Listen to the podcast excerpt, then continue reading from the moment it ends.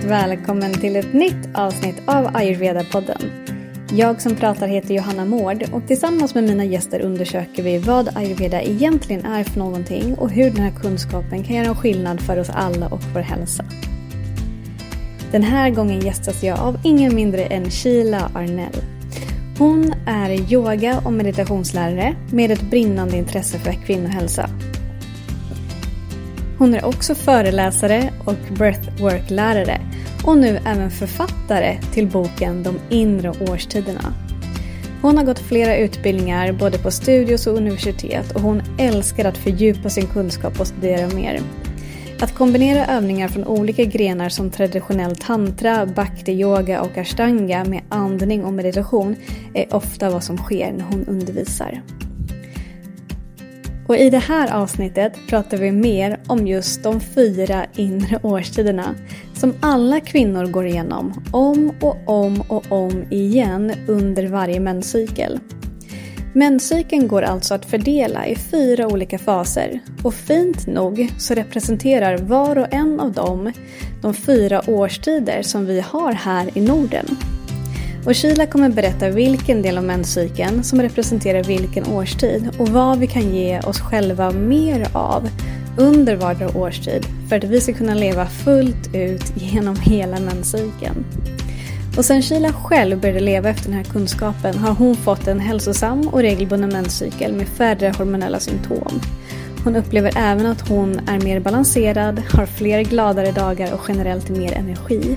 Och vem vill inte ha allt det här? Genom att få en ökad förståelse för det cykliska livet och ge det en större respekt och mer omsorg så kan vi lära oss att leva mer i medvind istället för i motvind. Och precis som Sheila själv säger i podden så handlar den här boken väldigt mycket om ayurveda. Och det är någonting som vi såklart kommer tillbaka till om och om igen i det här samtalet. Jag hoppas att du kommer finna det här avsnittet lika härligt, lärorikt och givande som jag gjorde.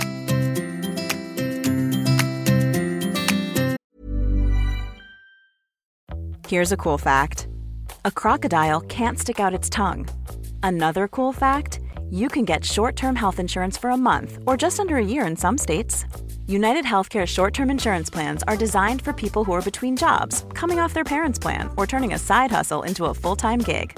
Underwritten by Golden Rule Insurance Company, they offer flexible, budget friendly coverage with access to a nationwide network of doctors and hospitals. Get more cool facts about United Healthcare short term plans at uh1.com.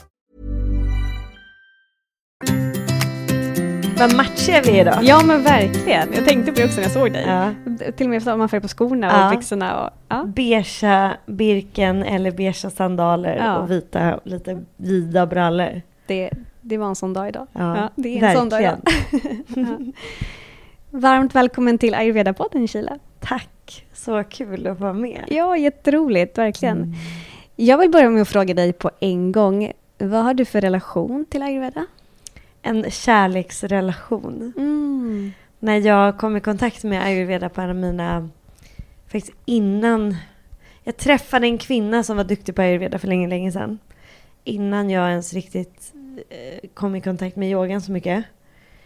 Eh, Så det här var liksom 13 år sedan. Och hon kunde liksom direkt berätta för mig vad jag skulle må bra av, upplevde jag. I form av kost. Och varför jag blir så kall i form av kost också. Jag förstår ju att ayurveda är mycket mer än bara kost. Men det, det, jag kom in i ayurvedan via kosten. Ja, vilket många gör. Ja. Det är ju ganska enkel ingång faktiskt. Och, jag menar, äter gör vi ju alla varje dag. Och Verkligen. ayurveda blir ju väldigt praktiskt när det Mm. kommer till kosten. Ja, Ja. och då så blev jag liksom så himla trygg och så glad av att den här fullkomliga främlingen kunde förstå min kropp. ja, Så jag fick liksom väldigt stort förtroende för det. Och sen så kom, eh, kom jag mer in i ayurvedan med yogan och meditation. Framförallt via yogan. Och har ju liksom haft det som en så här passion att få dela eh, ayurveda som också är en systertradition till, till Mm. yoga. Mm. Eh, väldigt så här, praktiskt tillämpbart tycker jag att ayurveda är. Visst. Så, så jag har en väldigt fin relation med ayurveda. Jag tänker, alltså ayurvedan påverkar varenda dag. Ja, det är så. Ja, Ja. Jag, absolut. Jag försöker leva ett relativt ayurvediskt liv. Ja, Mm. det försöker jag också göra. Ja. Alltså, och ayurveda är ju en jättestor del av mitt liv, men ibland tänker jag så här, gud, om jag skulle träffa några av de här visa männen som liksom typ formulerade ayurveda för 5000 år sedan, Ja. de skulle ju tro, så fråga mig, vad håller du på med? Ja, förmodligen. Det, ja, förmodligen. För det är en utmaning upplever jag, att verkligen Ja. leva ayurveda fullt ut. I det tempo vi har idag, allt som liksom, ja, men, förväntas av en och samhället Mm. vi lever i. Och så. Men jag, jag gör mitt bästa med, med det jag kan och det jag har. Och det gör skillnad. Alltså det är ju det som är, det är därför jag fortsätter, för att det gör skillnad. Ja. Jag tänker ofta att jag, när jag mår bra har jag lättare att leva ayurvediskt. ja, men så är det för mig också. Visst är det och, så? Och, och så när är det jag väl... inte mår bra. Eller när liksom jag känner mig lite stressad. Då är det lätt, så här, alltså, lättare i fel Men då blir det, då hamnar jag lättare i, eller snabbare i beslut som inte är ayurvediskt grundade. Mm. Mm. När man egentligen behöver det som mest. Ja, exakt Ja. så. Mm. Ja. Varför är det så tror du? Jag tror att vårt sam... Alltså mycket som du... Jag vill lite skylla lite, alltså på konstitutionen, samhällsformen. Det till exempel är mycket svårare att dricka varmt vatten än att bara dricka kallt vatten. Mm. Det går ju snabbare att bara hälla upp kallt vatten ur kranen och svepa ett glas kallt vatten. Mm. Men jag blir ju direkt liksom sval på hela insidan och lite orolig. Mm. Eh, men att dricka varmt vatten kräver ju att jag kokar upp vatten och sen medvetet väljer eh, en kopp istället för ett glas oftast. Jag brukar inte gilla att dricka varmt vatten i glas. Jag vet inte varför, jag är bara lite rädd för det. Och, men alltså det är liksom ett steg till. Precis, det är ju så. Det kräver lite ansträngning eh, att leva ayurvediskt på det sättet. Det kräver, Ja. det kräver lite effort. Och det är ju Och framförallt med maten. Ja, och, men precis, egentligen med det mesta, det skulle jag säga. Med Mm. liksom livsstilsrutiner och sånt också, att det kräver lite effort. Liksom. Mm. Den, den enkla vägen är ju sällan den hälsosammaste. Och det är ju när vi Ja. kanske saknar lite energi, när vi är lite ur balans, som vi inte har, ja, vi har inte tillgång till energin och vi är inte lika klartänkta Mm. och då är det inte lika lätt att göra de här medvetna valen, fast det är Nej. då vi egentligen behöver det som mest. Verkligen. Och, och det finns ju, alltså, som du var inne på, massa av de här ayurvediska ritualerna eller processerna eller ja, allt ifrån att skrapa tungan till så oil pulling och allt vad det finns. De sakerna är ju lite som du säger, man måste ha en rutin. Mm. Visst. Har du några ayurvediska rutiner idag då? Jag skrapar tungan. Mm. Ehm, det är väl liksom det jag verkligen gör dedikerat. Mm. Eh, jag gör oil pulling ibland.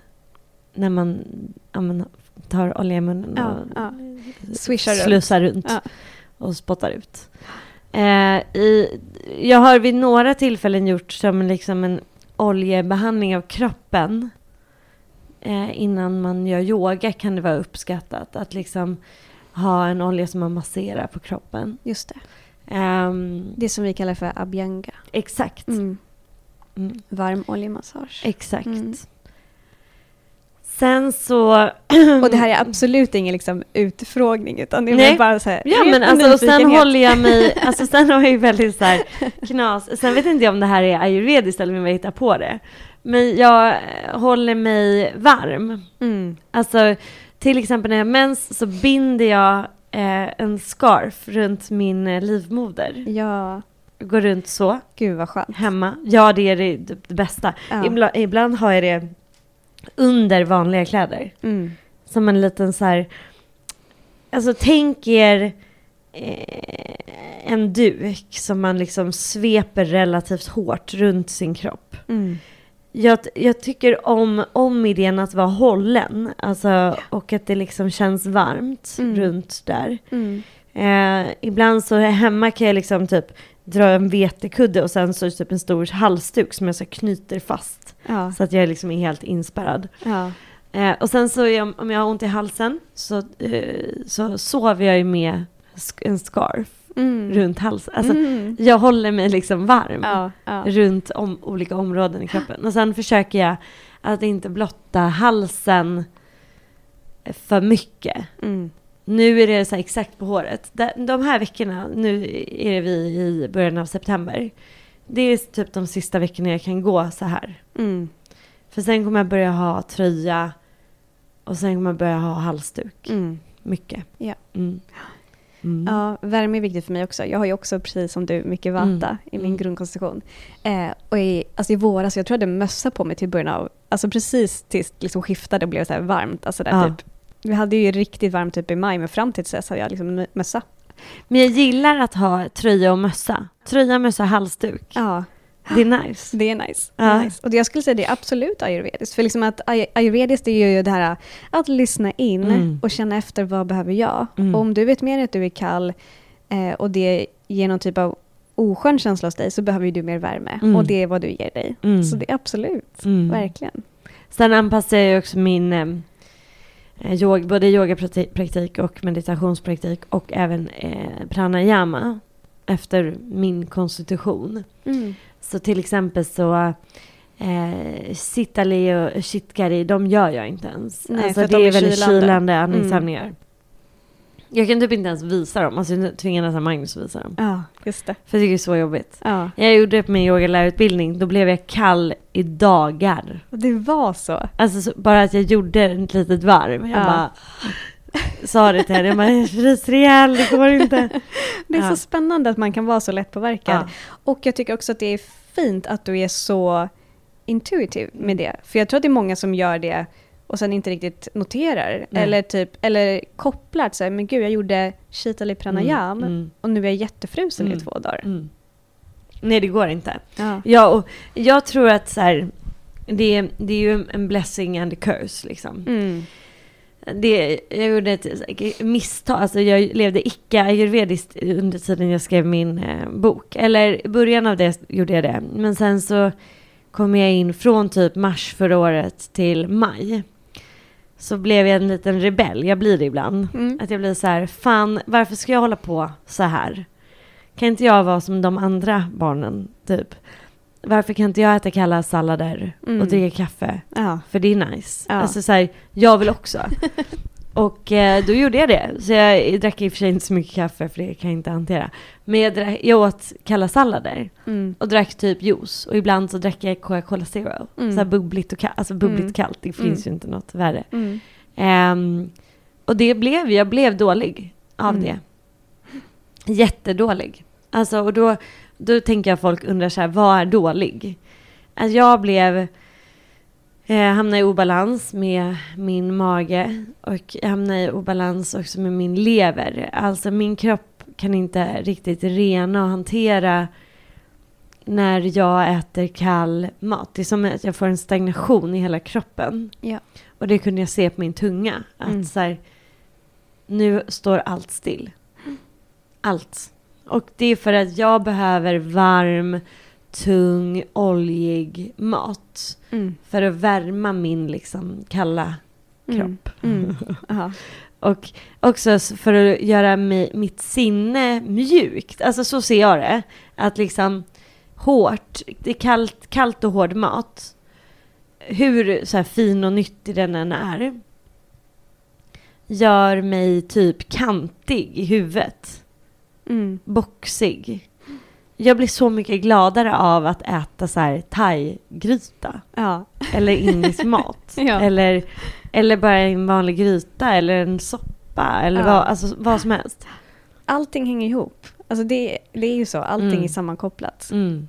Så vad vi äter påverkar oss i allra högsta grad liksom, psykiskt också. Ja, Absolut. men känner du också igen det här fyrkantiga? Att du blir typ så här rigid? huvudet?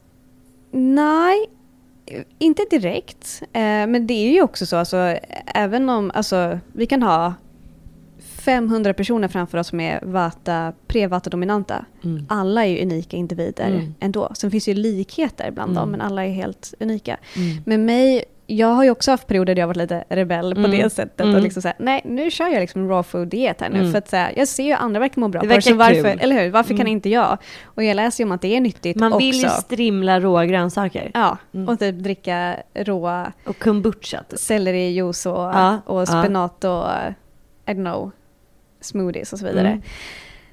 Ehm, Men jag upplever inte att jag blir fyrkantig, jag blir mer såhär, jag håller på att flyga iväg. Mm. Utan jag liksom tappar bort saker, tappar Mhm, bort mig mhm. själv, glömmer bort vart jag parkerar bilen och bara så här, känner att jag har noll koll och är typ skakig som ett litet asplöv. Det, där hamnar jag då. Gud vad intressant. Ja. Nej, jag blir bara odynamisk och Ja. eh, låst i tankar. Alltså så här, Ja. nej. Mm. Spännande. ja, men visst, verkligen. Ehm, och vi sitter ju här i, idag för att du har ju skrivit en bok. Ja, som du Ja. dessutom har läst. Ja, det är klart jag har. Alltså det, vi kommer ju prata om den nu. Mm. Eh, det är en fantastisk bok. Mm. Alltså jag är så glad att du har skrivit den. Jag är så glad att jag har fått läsa den och Ja. jag hoppas verkligen att den, eh, att den verkligen, verkligen kommer, kommer spridas. Vad fint, vad glad jag blir. Jag, jag är jätteglad att du har läst den. De som har läst den tycker, eller många har tyckt om den Mm. hittills. Jag tror bara att problemet med boken som jag ser är att folk kanske tänker att de redan att de inte så vill göra en stor gre- grej av deras menscykel. Och det gör mig så lite irriterad och lite ledsen på typ alla sätt för att det blir så, kon- det så konstigt att bara tro att menscykeln är så här, jag har bl- nu blöder jag, nu blöder jag inte och Mm. så här, jag mår okej. Mm. Men vad menar du med stor grej? Att det är liksom hur, hur, hur vi lever. Jag tror att om man vill göra en bra grej för sin hälsa så är det att förstå sin kropp. Mm. Och för att förstå sin kropp, om man tycker om hälsa, så är det liksom av den största vikt att man har koll på sin menscykel. Mm. Var man är i sin cykel, hur man mår under sin menscykel, hur det, det skiftar, vad man har för styrkor, svagheter möjligen, eller liksom motvind, medvind. Mm. Ehm, för jag tror att man som kvinna kan leva fullt ut i alla delar av sin cykel. Mm. När man förstår att man har olika delar av en cykel. Mm. Förstår du vad jag är ute efter? Ja, men absolut. Och det som blir är ju att vi inte är vana vid att prata om mens och menscykeln som ett, som ett tecken på hälsa. Det är det första problemet. Att ha en, att ha en mens, en fungerande mens när man är fertil. Och inte bara eh, blödning när man äter p-piller, för det är inte mens. Nej. Eh, Mm. det, är, det är liksom viktigt för kroppen av massa olika anledningar. Vi behöver menstruera. Mm. Mm. Ehm, och sen är det verkligen ett tecken på att allting funkar. Exakt, det är ju det. Ja. Det är ett hälsotecken. Och sen är det också en så, jag tycker så otroligt kvinnligt. Och så kraftfullt. Och som jag tror att jag skrev i boken, som en liten död. Och som en återuppfödelse. Mm. Alltså det, det verkligen är, ehm, Cykliskt. ja, Mm. exakt. Det är det. Cykliskt. Ja, ehm, din bok heter ju De inre årstiderna. Mm. Ehm, och nu har ju du precis berättat lite grann vad den handlar om. Mm. Tänk om det är någon som lyssnar som inte riktigt har koll på det. Så det handlar ju om, ja men, alltså, det cykliska livet som en kvinna har. Mm. Eh, menscykeln och ja, men hur vi kan ta hand om oss själva genom det. Och som du sa, leva fullt ut i alla inre årstider. Mm. Ehm, så det är väl om, vad den handlar om. Eh, för jag har hört dig prata lite i andra poddar om den här boken också. Jag har läst den, Mm. liksom, följt den nu.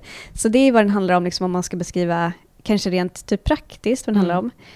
Men jag tror också att du har någon typ av djupare mening också. Mm. Som jag frågade, typ, vad handlar den om egentligen? Vad skulle du säga då? Oh, gud vad intressant. Jag tror att den handlar egentligen om hur det är att vara kvinna. Eh, och hur det är att må. Alltså hur, hur vi kan må så otroligt olika. Och hur... För så, som kvinna är vi cykliska varelser. Och det... Jag, jag gillar ju att prata om det, så här, det maskulina och det feminina och att få möjlighet att vara i ett flöde och förstå kraften av flödet. Och varför vi tillsammans kan flöda på olika sätt och i, liksom, i, i förlängningen också hur vi får vara mer feminina. Mm. är ju verkligen en, en djup rotad tro. För det som jag tror att samhället gör till oss är att vi bara upp, är så mycket i det maskulina hela tiden. Mm. Vi har en bild av att varje dag ska vara likadan, att vi ska träna på samma sätt, vi ska äta råkostsallad och dricka sellerijuice varje dag, förutom på helgen, då ska vi minsann dricka supermycket alkohol och äta chips. Och det är också okej. Men vi mår inte så bra av det här Mm. eh, ständiga eh, raka linjen, utan vi är inte sådana som individer i vår grund. Och jag själv har kämpat emot det så länge liksom. Ehm, Du har kämpat emot den här liksom naturliga det flödet. feminina Ja, flödet. absolut. Verkligen. Mm.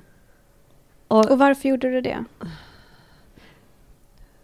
för jag, man har inte lärt sig någonting annat. Utan jag Mm. fick lära mig tidigt så här, ja, män och kvinnor är likadana förutom att tjejer har mens.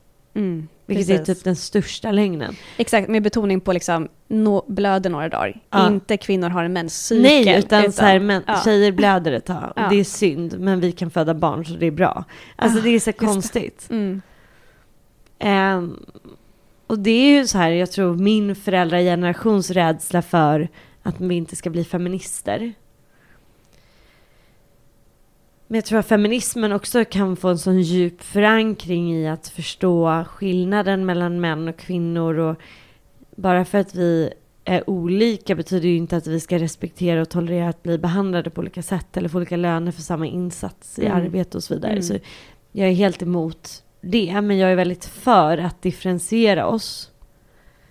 För jag tror väldigt mycket på det. Mm. Eh, Jag tror på eh, det maskulina och det feminina som en dans hela tiden och att i alla människor finns det maskulin energi och feminin energi och yin och yang. Alltså så här, Mm. eh, en, en balans som vi hela tiden behöver vara i. Mm.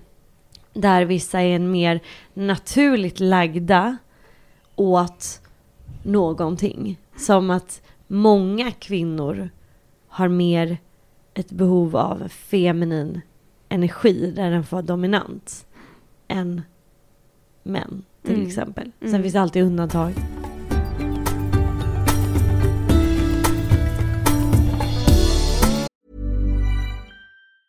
You should celebrate yourself every day, but some days you should celebrate with jewelry. Whether you want to commemorate an unforgettable moment or just bring some added sparkle to your collection, Blue Nile can offer you expert guidance and a wide assortment of jewelry of the highest quality at the best price. Go to BlueNile.com today and experience the ease and convenience of shopping Blue Nile, the original online jeweler since 1999. That's BlueNile.com. BlueNile.com. Hey, it's Ryan Reynolds, and I'm here with Keith, co star of my upcoming film, If, only in theaters, May 17th. Do you want to tell people the big news? All right, I'll do it. Sign up now and you'll get unlimited for $15 a month in six months of Paramount Plus Essential Plan on us. Mintmobile.com slash switch. Upfront payment of $45 equivalent to $15 per month. Unlimited over 40 gigabytes per month. Face lower speeds. Videos at 480p. Active Mint customers by 531.24 get six months of Paramount Plus Essential Plan. Auto renews after six months. Offer ends May 31st, 2024. Separate Paramount Plus registration required. Terms and conditions apply if rated PG. För när jag, när jag läste din bok så Mm. kände jag ju också att så här, den här handlar ju ja, men, primärt om liksom, menscykeln och liksom att verkligen ta hand om sig själv och lyssna in och Mm. leva fullt ut i varje årstid. Mm. Men det handlar också om att liksom om att det finns en liten avsaknad av respekt för det kvinnliga, det Mm. cykliska livet i samhället. Ja, det är enorm och den kämpar jag mycket med nu för att för jag vill att typ, jag hade velat säga till alla så här, läs boken för fan för du håller på att bli utbränd. Mm. Så. Men det får man inte säga. Eller så här, läs boken för du tror att du är så hälsosam men det, jag tycker du känns sjukt ohälsosam. Mm. Det får man inte heller säga. Eller typ till alla mina vänner som har ångest och oro och oroar sig över skitsaker. Och ältar och fastnar. Läs boken. Mm. För du känner inte dig själv. Men det får man inte heller säga. Alltså, så, det finns så många så här... En, en, nu är jag för övrigt exakt när vi har den här podden så jag ska typ få mens snart. Så jag är typ, och jag är eller inte typ, jag ska få mens om typ två dagar. Och jag har lite PMS-ilska. Jag orkar Ja. typ inte sugarcoat shit. Det är bra, jag Ja, gillar jag det. har ingen så här östrogen, mitt östrogen är kaos. Östrogen gör oss väldigt så här, tillgängliga och följsamma Ja. och medgörliga. Mm. Och nu har jag inget av det. Mm. Så, så då blir jag lite så här. Men, men det jag tror att man vill förmedla, jag vill förmedla hälsa och närvaro och en förståelse för kvinnokroppen i ett ljus av att leva cykliskt Mm. som är tyvärr relativt ovanligt idag. Jag tror att många inte riktigt är så vana vid att tänka på kroppen ur den hälsoaspekten. Som ayurvedan. Att så här, ayurveda är en tusenårig läkekonst som man bara ändå inte riktigt fattar. För att, för att man har aldrig lärt sig att tänka på hälsa Vadå varm mat? Vad fan har det med saken att göra? Alla vet väl att näringsinnehållet är det som är viktigt. Men det, det är som det här vi inte kan förklara. Att varför är det mycket mer hälsosamt att äta en middag i en familj tillsammans än att alla äter på sitt hörn med en iPad? Mm. Det är, så här, det är svårt att förklara det. Men det är, det är mänskligt, så vi, vi förstår det ändå till slut. Ja, Att så här, det är klart att det är bättre. Ja. Mm. Ja, ehm, och, jag tänkte just det att ehm, varför, varför kändes det, nu har du kanske sagt det lite grann, men, men varför, varför ville du skriva den här boken? Det, ett, så, jag har aldrig drömt om att bli författare. Jag inte en, det här är inte en... Det låter kanske provocerande för folk. Jag har inte haft en sån här innerlig dröm om det här. Snarare tvärtom. Jag tyckte att författare är lite så här... Vill bara prata om sin bok. lite tråkigt. Ehm, Men det är klart man vill när man har skrivit en bok, tänker jag. Det är väl klart du vill prata om din bok nu också. Jag menar, det är någonting man brinner för. Liksom. ja, men och nu vill jag ju det. man men, känner- jag, man gör men skillnad jag tyckte och- nog tidigare Ja. att väldigt många författare väl gärna ville bara Ja, prata om ja, sitt. Liksom. okej. Men nu, nu är jag där och likadan. Men det jag, det, det jag tror är att det var så himla grundläggande och avgörande för hur jag själv ser på min kropp och och min hälsa och vad, Mm. vad som är välmående för mig. Och jag kände så här, det här måste jag tillgängliggöra om jag kan. Eh, för att jag själv blev helt tagen av att förstå och lära mig hur menscykeln funkar, både rent liksom biologiskt, men också framförallt emotionellt. Alltså när jag började förstå det och sätta ihop ett och ett.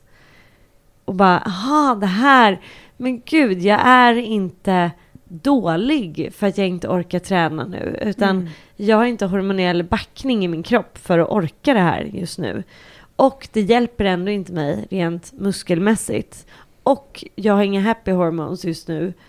Så det är inte konstigt att jag mår så här. Ah, för att jag ska må bättre i den här fasen så är det mycket bättre för mig att så här, göra någonting som jag tycker om och gå ut och gå och ta en lång promenad i skogen eller så här skriva någonting eller lyssna på jättebra musik jättehögt. Mm. Det är typ mer läkande för mig just Mm. nu Mm. än att gå och yoga, ashtanga yoga eller Mm. än att gå till gymmet Mm. eller än att framförallt ha tankar om att jag är dålig för att jag inte levererar som jag gjorde för en vecka sedan. Just det. Så här, fan jag vill vara en sån som gör det här varje dag. Men jag kan inte det. Nej, och varför vi har en tro på att vi ska kunna göra samma saker hela tiden är ju återigen den här obalansen mellan det feminina och maskulina Mm. i vårt samhälle. Mm. Eller hur? Verkligen. Mm. Och att vi... Allt är ju gjort för män.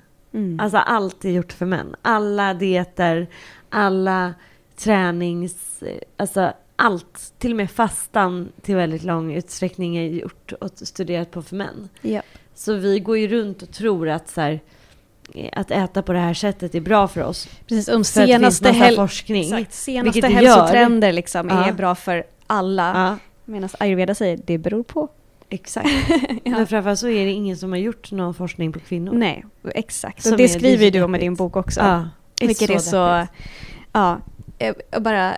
jag har skrivit ner ett, eh, ja, men typ ett citat från din bok på att Ja. tala om det. Oh, Och just det här att, för jag tycker att det är väldigt eh, ja, men intressant och eh, det är så bra att du eh, och fler liksom tar upp det här och lyfter det mer och mer. Mm. För jag tror verkligen på eh, men att den här obalansen mellan det maskulina och feminina samhället, det påverkar oss mer än vad vi många tror egentligen. Mm. Ehm, och ehm, ett exempel som du har skrivit då, eh, så här har du skrivit i din bok. Mm. Ett exempel på detta är att det görs fem gånger så många fler studier kring, kring mäns impotens Mm. jämfört med PMS. Mm. Fem gånger fler studier på mäns impotens än vad det görs på PMS.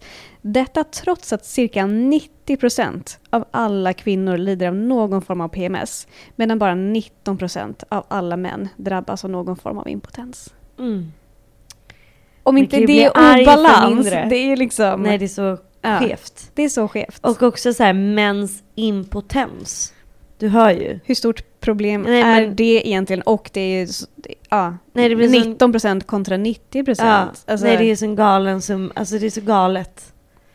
Men där är det ju så här, då, man blir ju lite cynisk när man börjar tänka så här, för då blir det ju så här pengar, forskning, icke-jämställdhet, vad är kvinnor värda, hur ser Mm. man på kvinnor i samhället, Och jag har också hur läst... ser kvinnor på kvinnor, hur ser män på kvinnor och Ja, tvärtom. precis. Vi har också ehm, läst och hört att det är, man forskar mycket på män av den anledningen att det är svårt att forska på kvinnor för Exakt. att vi är cykliska. Mm. Så att ge kvinnor en typ av ny medicin eller behandlingsform, Mm det är svårt att tracka för att man kommer ta emot behandlingen på ett sätt beroende på var du är i cykeln. Ja, och det där är så deppigt för att jag läste om kvinnor som får medicin, diabetesmedicin. Att det är så otroligt olika resultat beroende på var de är i sin cykel, vad de får för utslag när de mäter. Att de, flera kvinnor får fel medicin för att man inte ens orkar bry sig om var de är i sin menscykel. Så att ja, absolut. Män är enklare eh, rent eh, hormonellt. Alltså, verkligen. Alltså det här känns som ett jättestort ämne som man Ja, skulle kunna prata ja, om i ja. många, många timmar. Ja. Om, alltså verkligen, ja. Men det är bara, jag tycker att det är väldigt, eh, jag läser och bara känner att det är värdefullt Mm. att, du, att du har lyft det här i din bok. Så hoppas Tack. vi att liksom fler ehm, ja, men jobbar vidare på det. Så Mm. får vi se liksom vart det leder oss. Mm.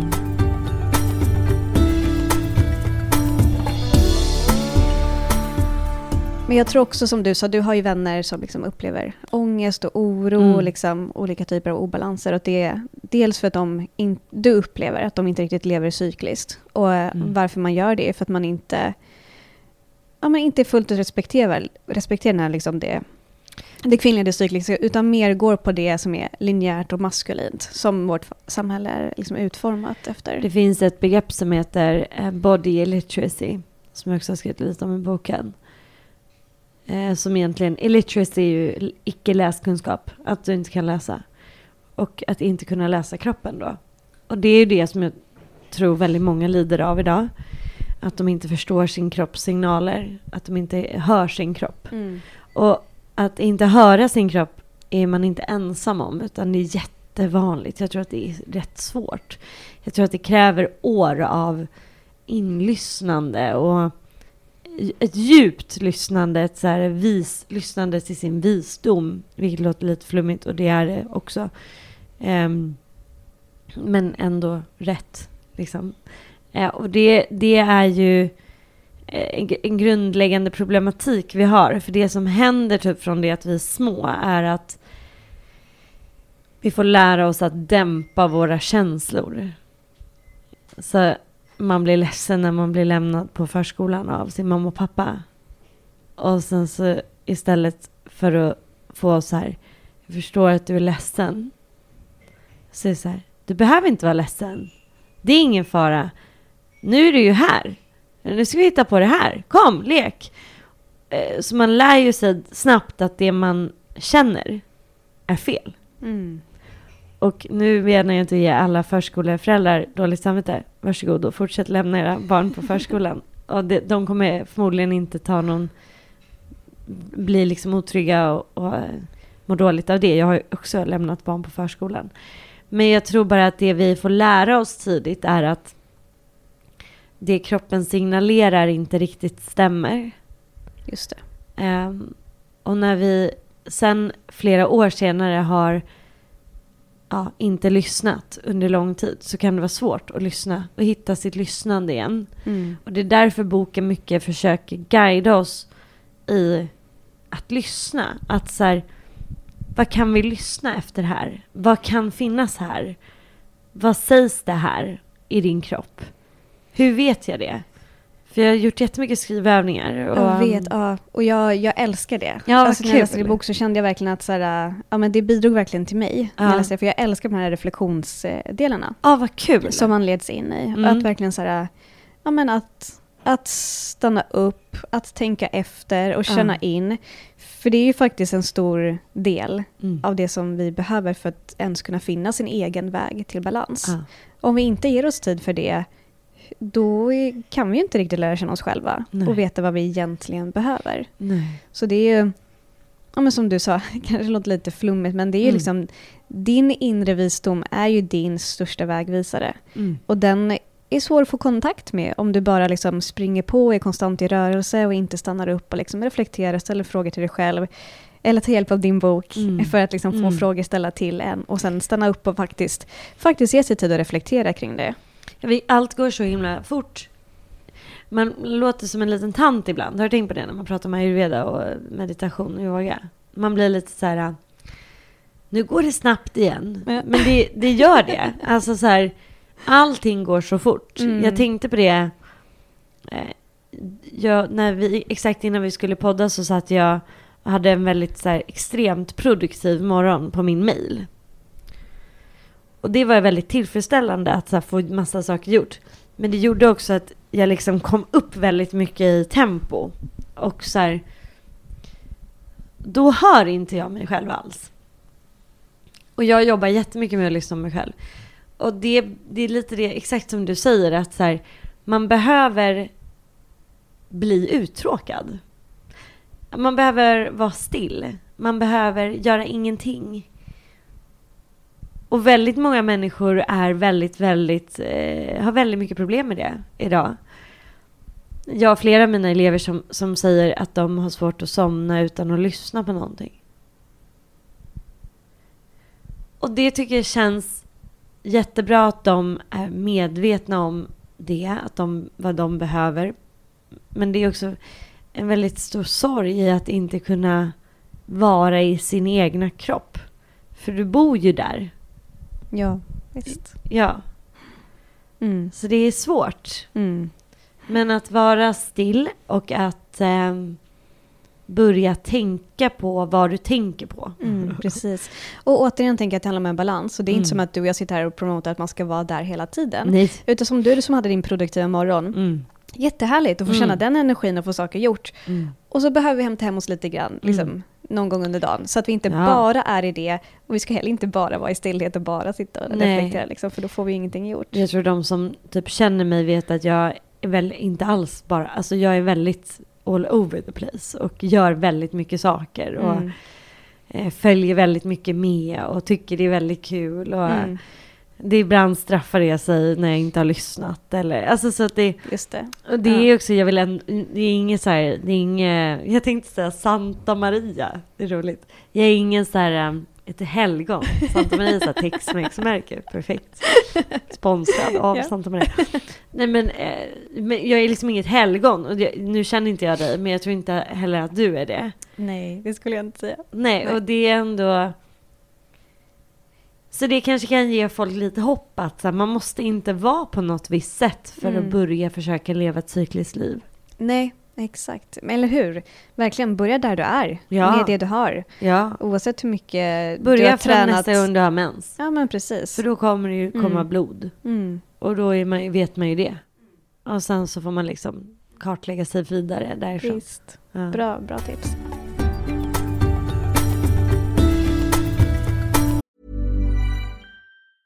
Ever catch yourself eating the same flavorless dinner three days in a row? Dreaming of something better? Well, HelloFresh is your guilt-free dream come true, baby. It's me, Kiki Palmer. Let's wake up those taste buds with hot, juicy pecan crusted chicken or garlic butter shrimp scampi. Mm. Hello Fresh. Stop dreaming of all the delicious possibilities and dig in at HelloFresh.com. Let's get this dinner party started.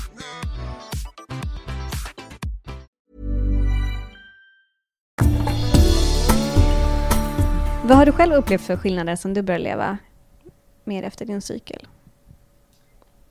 Um, Liksom, hur såg livet ut innan och hur ser det ut nu? Innan körde jag väldigt mycket på. Hade också väldigt långa cykler. Eh, väldigt oregelbundna, långa.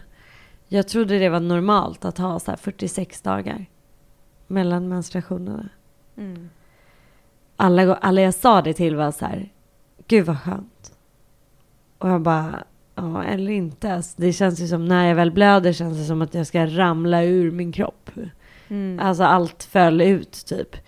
Och det var jättetrauma, jobbigt och ont och hemskt. Och folk eh, i din nära tänkte att det var skönt för att du inte behövde blöda lika ofta. Ja, exakt. Ja. Gud vad skönt. Då hade inte du mens här. Jag har mens var fjärde vecka, du har mens var sjätte vecka. Gud vad Mm. orättvist. Alltså man bara Just nej. det. Ja, Ja. okej. Ehm, Återigen, regelbunden menscykel är ett hälsotecken. Så, det var ju liksom, Så hälsosamt att ha det. Och menscykeln ska inte vara för kort och den ska inte vara för lång. Alltså den ska inte vara 46 dagar. Det är Mm. inte normalt. Det är en Så vad, obalans. vad är liksom hälso, en hälsosam? Alltså 25 till 35 i överkant. Så alltså ver- verkligen inte. Det är inte alls toppen. Ehm, men sen allmänt så är jag mycket mer... Eh, jag är bättre på att vara där jag är. Jag är bättre på att ta vara på när jag är kreativ. När jag, när jag eh, är liksom alltså när jag kan skapa mycket saker, när jag kan komma på många bra idéer. Jag är bättre att ta vara på alla fördelar som alla delar av min cykel har. Eh, så att jag kan verkligen planera mitt arbete och mitt liv mycket utifrån min, min menscykel. Så här, som eh, säger jag och sen har jag planerat lite dåligt nu, kommer jag på. Egentligen så vi ska ha en stor, ett stort event på torsdag. Och då ska jag ha mens. Och egentligen brukar inte jag göra sådana grejer när jag har mens. Mm. Men nu är det fyra lärare så man kunde inte styra hela, Mm. alla utifrån min mens. Nej, just det. Mm. Men annars Ibland bruk- behöver man Exakt, sig lite. ibland får man följa med. Ja. Eh, men ofta, alltså, eh, största skillnaden är att jag mår bättre överlag. Eh, jag känner mig mindre PMSig. Jag har ett mycket jämnare mående. Ehm, jag har mycket mer njutning i mitt liv. I form av att jag är gladare. För att mina hormoner mår bättre så att jag har många fler gladare dagar. Mm. För att jag lever med mig själv istället för mot mig själv. Jag har mycket mindre eh, självkritik. Mycket snällare mot mig själv för att jag respekterar min kropp. Och jag har också mycket mer så här riktigt bra supereffektiva dagar. För att jag vet när jag har dem. Och jag kan verkligen maxa då. Då kan jag verkligen passa på att jobba så här 150 procent, alltså så mycket. För jag bara, nu orkar jag det. Mm. Jag har så mycket bra energi nu. Och mycket mera att jag liksom får vara, vara i det jag är i. Så jag effektiviserar när jag kan det. Och sen så går jag hem när jag inte har en bra dag. Du vet, istället för, förut var jag så här, "Ah, man kan inte ha en dålig dag. Då ska man typ försöka vända det med någon jävla mindset-grej. Mm. Mind over matter, nu Mm. åker vi. Jag, jag klarar det här. En positiv grej till typ. Nu är jag så här, ja, eller det mest positiva jag kan göra nu är att ge upp. Den här dagen ska jag inte göra de här sakerna på, uppenbarligen. För att allting går emot mig. Jag kanske ska vila. Mm. Mm. Mm. Och, då blir, och den vilan blir asnice, så då är jag också rätt glad. Ja. Så då blir det bra. ja. Eh, Alltså bara det att säga att du har, liksom, att du har fler glada dagar. ja, Alltså, jag mår bättre. Jag är en Ja. gladare person. ja. Jag har liksom mer... Men också så att jag förstår jag gillar att förstå så här, det kvinnliga i form av sug och lust och intresse. För vi har verkligen en så solig sida av cykeln. När vi kan ge oss själva till andra människor. Mm. Där man, och inte bara så här sexuellt, men sexuellt absolut också. Men där jag kan få så här, jag kan vara intresserad av den och den. Jag kan lyssna på dem jättebra. Jag kan fråga bra frågor. Jag kan liksom prova nya grejer. Göra, vara härlig. Mm. Och sen så kan jag gå fullt in i så den skuggiga sidan. Jag behöver inte vara härlig. Mm. Hej då. Ja. Hur skönt? Ja. Och inte tycka då att det liksom är dåligt eller varför kan jag inte, varför är det inte som för två veckor sedan utan Nej. bara fullt ut bara förståelse Ja. för det.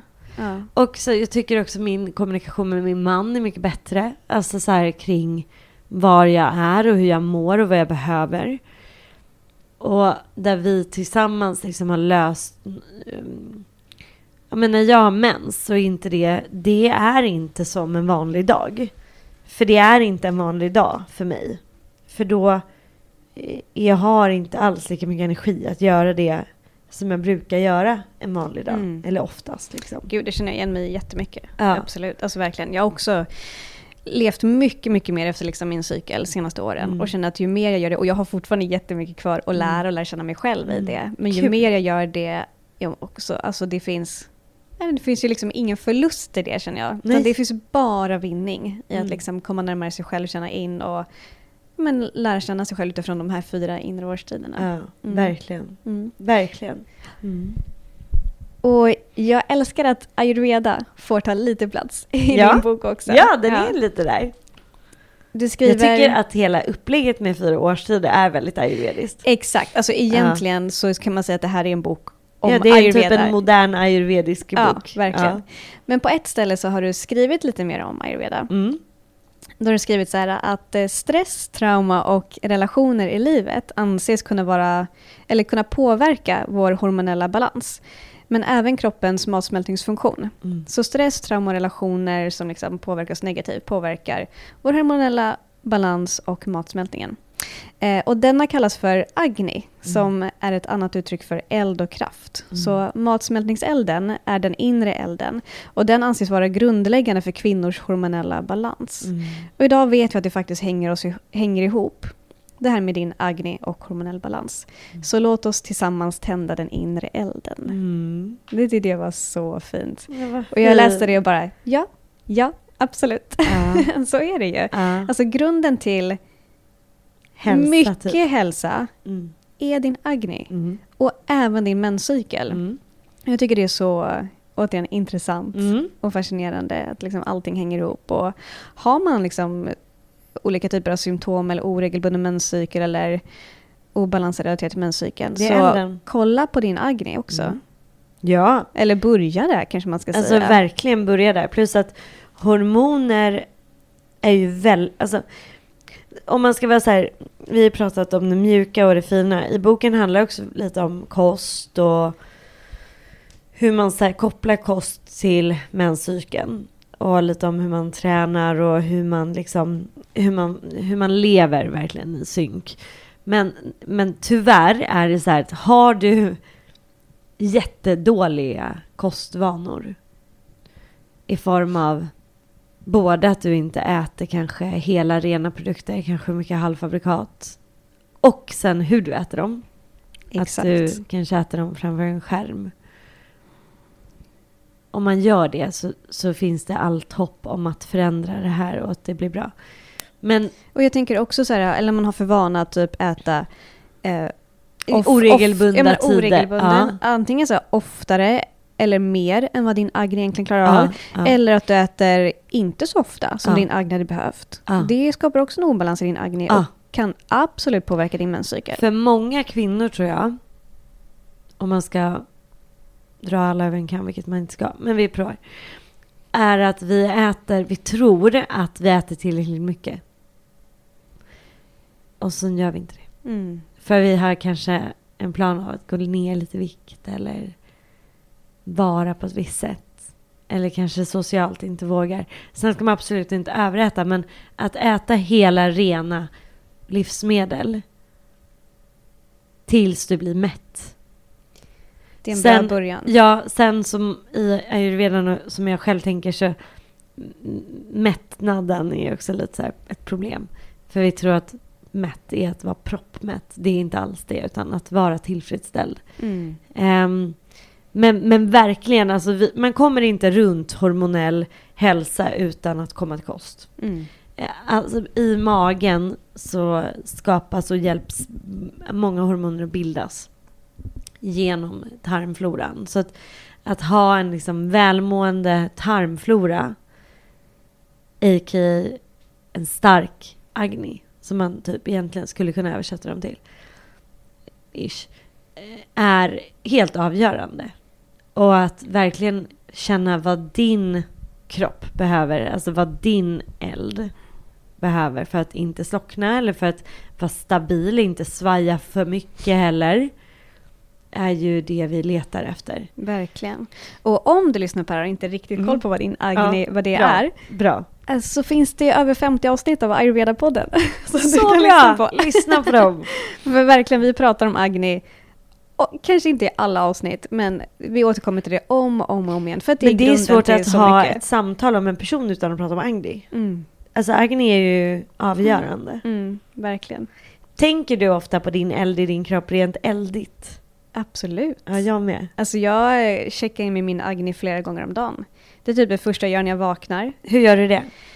Eh, känner efter liksom hur det känns i magen framför allt. Mm. Så jag är, jag är mycket fokuserad på liksom den största agnin som är liksom i, i magen. Liksom Mm. Hur känns det där? Mm. Eh, så när jag vaknar, eh, innan jag ska äta, absolut. Efter jag ätit, hur känns det? Eh, bara lite under dagen, så här, hur mår min agni? Är det inte typiskt Vata att missa Agni? Jo, Ja. absolut. Att vara så här, ja det känns ingenting. Ja. man har, den är alltså för agni är lite mer oregelbunden. Ja. Om man har mer vata i sin grundkonstitution så är det. Eh, och har man mer kaffa så kan den vara lite ja, men svagare, kanske Mm. lite svårare att få kontakt med. Eh, Mm. och har man mer pitta så kan den vara nästan... Sjukt eldig. Ja men precis, Mm. Nästan lite... Hetsig. Ja, precis. Väldigt, väldigt, väldigt skarp, hetsig. Ehm, så absolut, jag checkar in med min agni flera gånger om dagen. Mm. Mm. Jag tänker oftare på en eld just och att jag tänker på kroppen som att jag behöver bränsle.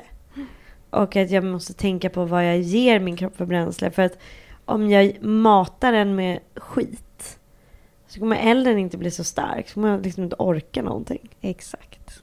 Ja. Mm. Ja, det finns också, återigen, vi skulle kunna prata om bara Agni i flera timmar. Ja, Så, vi skulle kunna prata om men det mesta. men jag tänker att vi ska eh, komma in på de inre årstiderna. Ja, vad roligt. ja. Vi, Så att eh, vart... Eh, jag tänker så här. Eh, boken heter ju De inre årstiderna och du skriver om fyra inre årstider som så fint också representerar liksom de väldigt distinkta årstider som vi har här i Norden. Mm. Och jag tänker också, allt du skriver om de inre årstiderna går ju så mycket att koppla till ja, men de yttre årstiderna också. Mm. Så vad vi behöver, det du skriver att vi behöver i den inre, under den inre vintern, mm. är ju också det vi alla behöver mer av när det är faktiskt vinter, liksom Mm. här i Norden, eller hur? Verkligen. Och, men så jag tänker då att, eh, ja, men att du kan få gå igenom årstiderna eh, och liksom vilka delar av menscykeln som de representerar. Mm. Och lite så här, vad kan vi må bra av att fokusera på under vardera inre årstid? Mm. Det här kan man, jag kan också verkligen prata om det här i hundra år. Ja.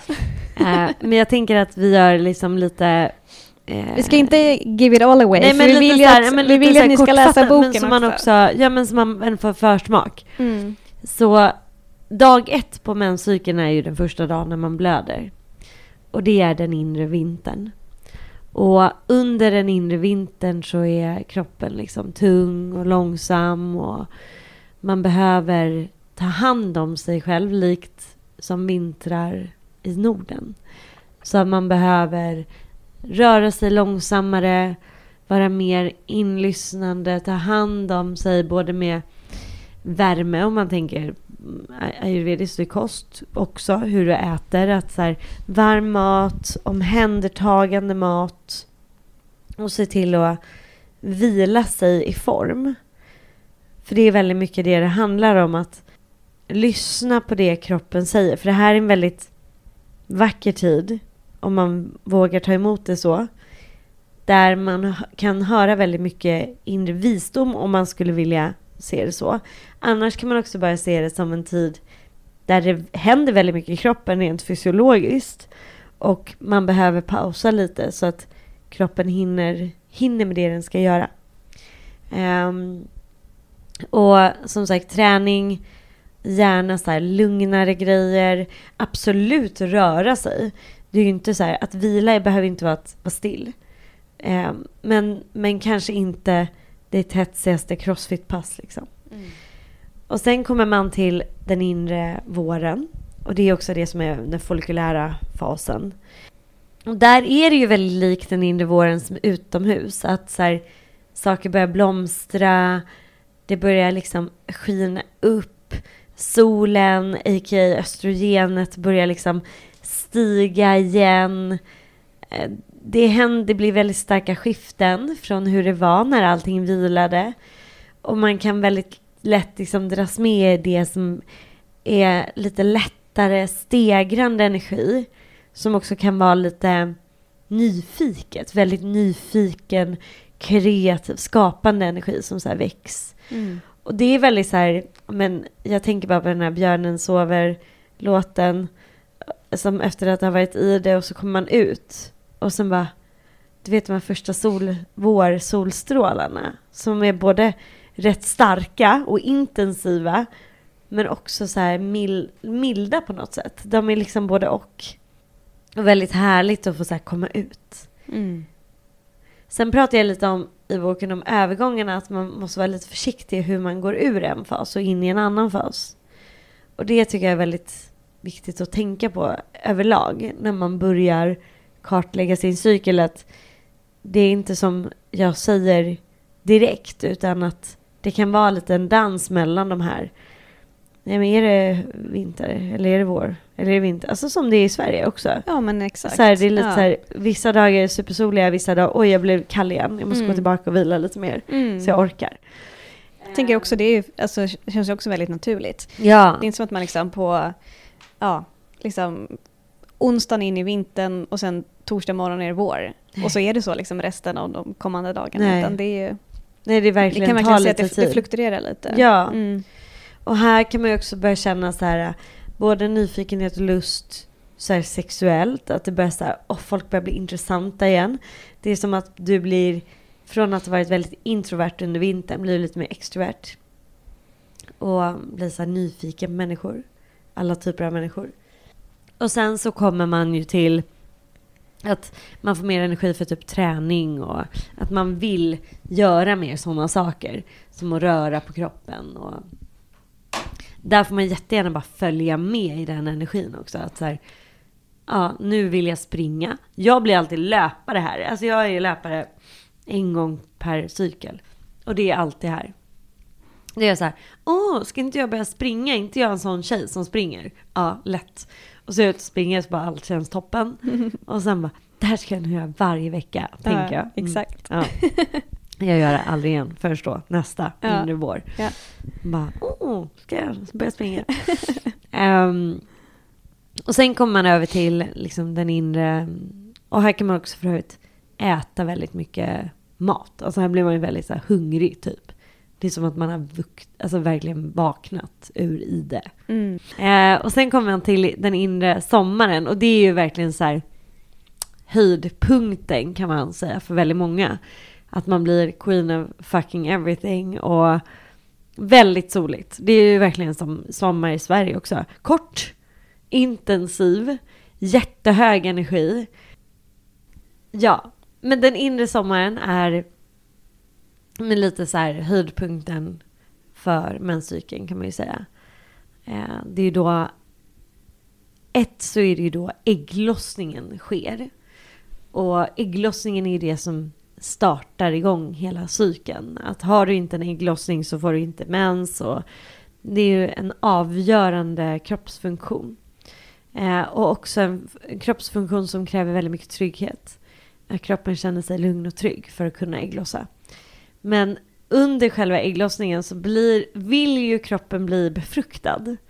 Och därav också energin, alltså så att du blir hö, alltså väldigt så här, hög energi, du känner dig väldigt social, det är väldigt så här, allt är väldigt härligt, östrogenet liksom gör dig så himla glansig och härlig och passionerad och Mm. sugen liksom. Mm, och sen så man blir mer nyfiken på andra och plötsligt Ah. är alla jättesnigga. och Ja, man vill bara verkligen. socialisera. Ja, energin och, är bara ut. Ja. och ut and somebody can have me. Ehm, och det är väldigt härligt. Och här är det ju, vi har ju inte alls samma möjlighet att göra så här tråkiga grejer. Utan man kan ju bli så här, vadå, jag, det är som att energin bara, varför skulle jag göra redovisning när jag har ägglossning? Alltså det är en sån total waste of time. Just det. Jag ja. ska ut, jag måste göra annat. Och för ja, vata-personer, i och med att det är ayurveda-podden så jag pratar väldigt mycket om vata, de, för flera, men där är det ju verkligen så här att man behöver också grunda sig lite. För annars kan det bli väldigt svårt och jobbigt nästan att ha ägglossning. För att det är bli som så här, luft hög. på luft på luft. Just ja. det. Mm. Och så mycket energi och så här helt rotlös. Det. Men här handlar det ju väldigt mycket om att här, säga ja till livet, bara följa med, tillåta dig att få hamna lite där du hamnar. Begränsa väldigt mycket skärmtid. ehm, för att ägglossning kan ju tyvärr också vara en, en, en fas där flera kvinnor har lite, ja men, om man vill bli gravid till exempel och inte har lyckats bli gravid. Att det är väldigt mycket press kring ägglossning. Mm. Så den inre sommaren är ju verkligen där hormonerna gör oss alltså queen av allt. Och slätar ut våra rynkor och gör oss sexiga och härliga och snygga och liksom. Mm. Vi känner oss så också, alltså rent energimässigt och självförtroendemässigt. Vi känner oss verkligen så vackra och härliga. Ehm, men det är, det, det är eh, en relativt kort fas eh, där det, det är som att liksom vi pikar ur. Ehm, och sen så kan man ta med sig lite av den här väldigt härliga drivande, kraftfulla energin, för vi har också mycket östrogen, eller östrogen och testosteron. Så vi blir lite så här, vi gör klart saker, vi fullföljer, vi har väldigt hög drivkraft, alltså både sexuellt men också i annat. Eh, så vi kan ta med den här energin till början av den inre hösten. Som också är en väldigt så här härlig tid där vi orkar träna hårt, vi orkar liksom fullfölja, vi kan tänka rätt klart, vi, vi är trevliga, sociala, orkar. Men sen så när östrogenet liksom har eh, dippat ordentligt och progesteronet har börjat komma upp som är vårt här lugn och ro-hormon. Så kommer den lite mer skuggiga sidan av menscykeln. Och där man sakta kroppen blir lite stelare. Vi blir lite mer odyn... Alltså vi tappar dynamik lite. Vi kan bli lite odynamiska. Eh, som många känner igen också som är lite så här startskott till ibland till PMS. Att så här, jag förstår inte ens hur den här personen kan tänka på det här sättet. För att, jag, vadå? Det är ju fel. Eller vadå? Alltså så här, Mm. för östrogenet som annars gör dig jättemjuk och följsam eh, försvinner. Så det blir väldigt så här, man kan bli lite kantig, lite hård.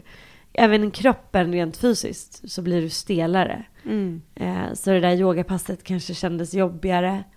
Eh, PMS-symptomen, andra PMS-symptom som så migrän eller ömma bröst. Eller, alltså det finns ju över 150 typer av PMS-symptom. Japp. Något av det Mm. kanske som man har problem med kommer nu. Och mycket av dem kommer ju på grund av hur du har levt under hela cykeln.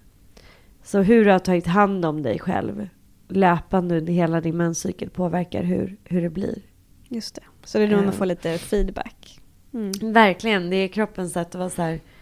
Ja, du, nu har du inte lyssnat igen. Mm. Eller nu har du lyssnat jättebra, vad härligt. Mm. Ehm, och den energin som kommer på hösten är också mycket mer så svajig. Som likt, som, alltså, likt höstar utomhus. Att så här, ja, vissa dagar är jättesoliga, härliga. Vissa dagar inte alls lika kul. lite segt, trött, Mm. kallt. Ehm, och sen kommer vi in i, i den inre vintern igen. Mm. Så det är året. Men det, det är ju väldigt härligt att få vara där man är tycker jag. Visst, och bara vara liksom, som du sa, leva varje årstid fullt ut. Ja, Ja. så härligt. Mm. Mm. Mm. Mm.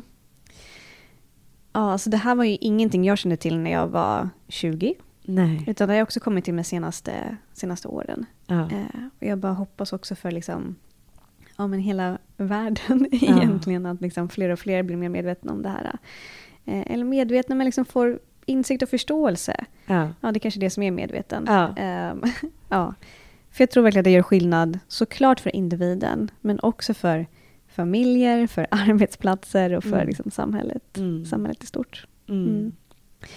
Verkligen. Du skriver också lite om olika typer av symptom Mm. eh, som är vanliga. Du nämnde det nyss, liksom bara PMS är en rubrik på 150 olika symptom. Mm. Eh, och då tänker jag återigen mycket på ayurveda. Mm. Eh, till exempel har man mycket menssmärtor så är det ofta relaterat till vata-obalans. Mm.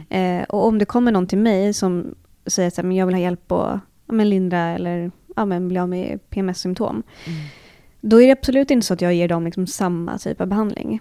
Utan Nej. det beror på vilken typ av PMS-symptom har du. För det skiljer sig åt. Och sen Mm. också vem är du? Mm. För att, För att kunna matcha för vem personen är. ja men precis. För Ja. det, det spelar liksom ingen roll. Det kan, återigen, det kan vara 500 personer som kommer med liksom samma eh, ja, typ av symptom. Det är inte alls säkert att de kommer behöva samma eh, kost och livsstilsråd. För Nej. att vi är alla olika. Men alla typer av symptom är ju tecken på en obalans. Som Mm. man kan koppla till en vatapitt eller kaffeobalans. Mm. Så ju mer man lär känna sig själv utifrån ayurveda, Mm. desto lättare är det också att eh, ja, men lindra eller helt bli av med många av de här eh, cykliska symptomen som många kan Mm. uppleva. Verkligen. Och jag menar, jag rekommenderar varmt att också söka alltså, ayurvedisk hjälp.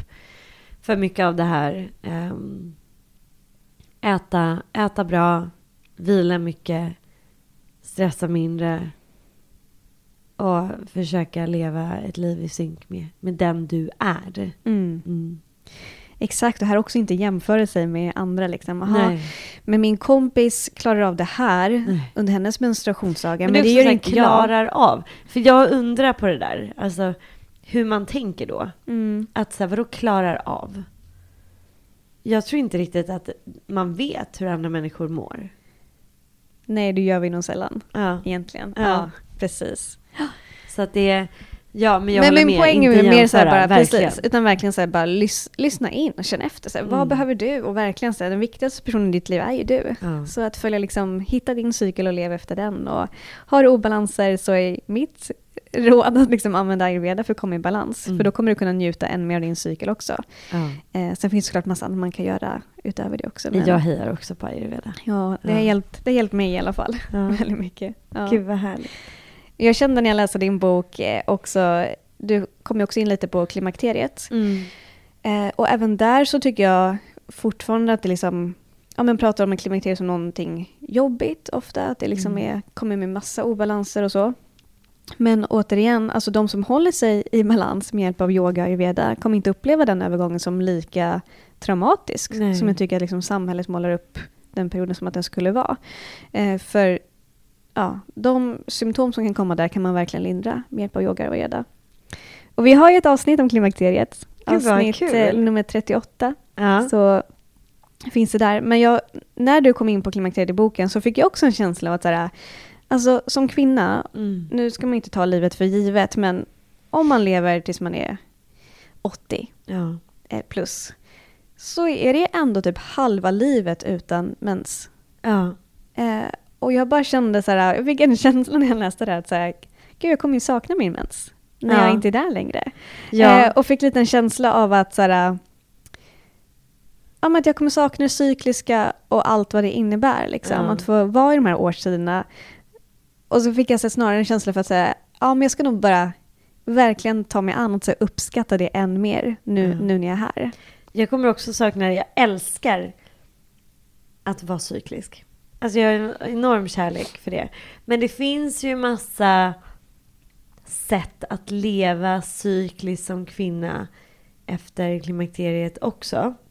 Ja, precis. Det skriver du lite om ja. också. Ja. Så det är ingenting vi lämnar helt Nej. bakom oss där och då. Och jag tror ju att det finns så, jag tror ju att det inte du och jag vet än är att det finns säkert så mycket mer att vara kvinna i den åldern. Mm. Som vi bara inte förstått än. Mm. Som Ja. vi kommer förstå när vi väl är där. Verkligen. Det tror jag också. Ja. Absolut. Ja. Verkligen. ja, jättefint samtal Kila. Tack detsamma, så roligt. Ja. Är det någonting mer du vill ta upp, lämna, dela innan vi avslutar? Nej men jag tycker det var, det var väldigt härligt och jag tror att det finns så himla mycket fördel i att se hälsa ur ett holistiskt perspektiv. Och att förstå att hälsa är så olika för olika personer och att gärna ta hjälp av ayurveda, kinesisk medicin, meditation, olika liksom tekniker för att flytta från att vara för mycket i huvudet till att vara i kroppen. Eh, och att jag hoppas att folk blir inspirerade till att utforska vem deras kropp är idag. I tantran är ju kroppen liksom i, i centrum. Eh, jag tycker det är intressant så här, att det finns så himla mycket visdom i oss exakt just nu. Mm. Visst. Ja. Fint att avsluta med de orden också. ja, men tack Ja. så mycket. Tack för ett härligt samtal. Ja, tack själv.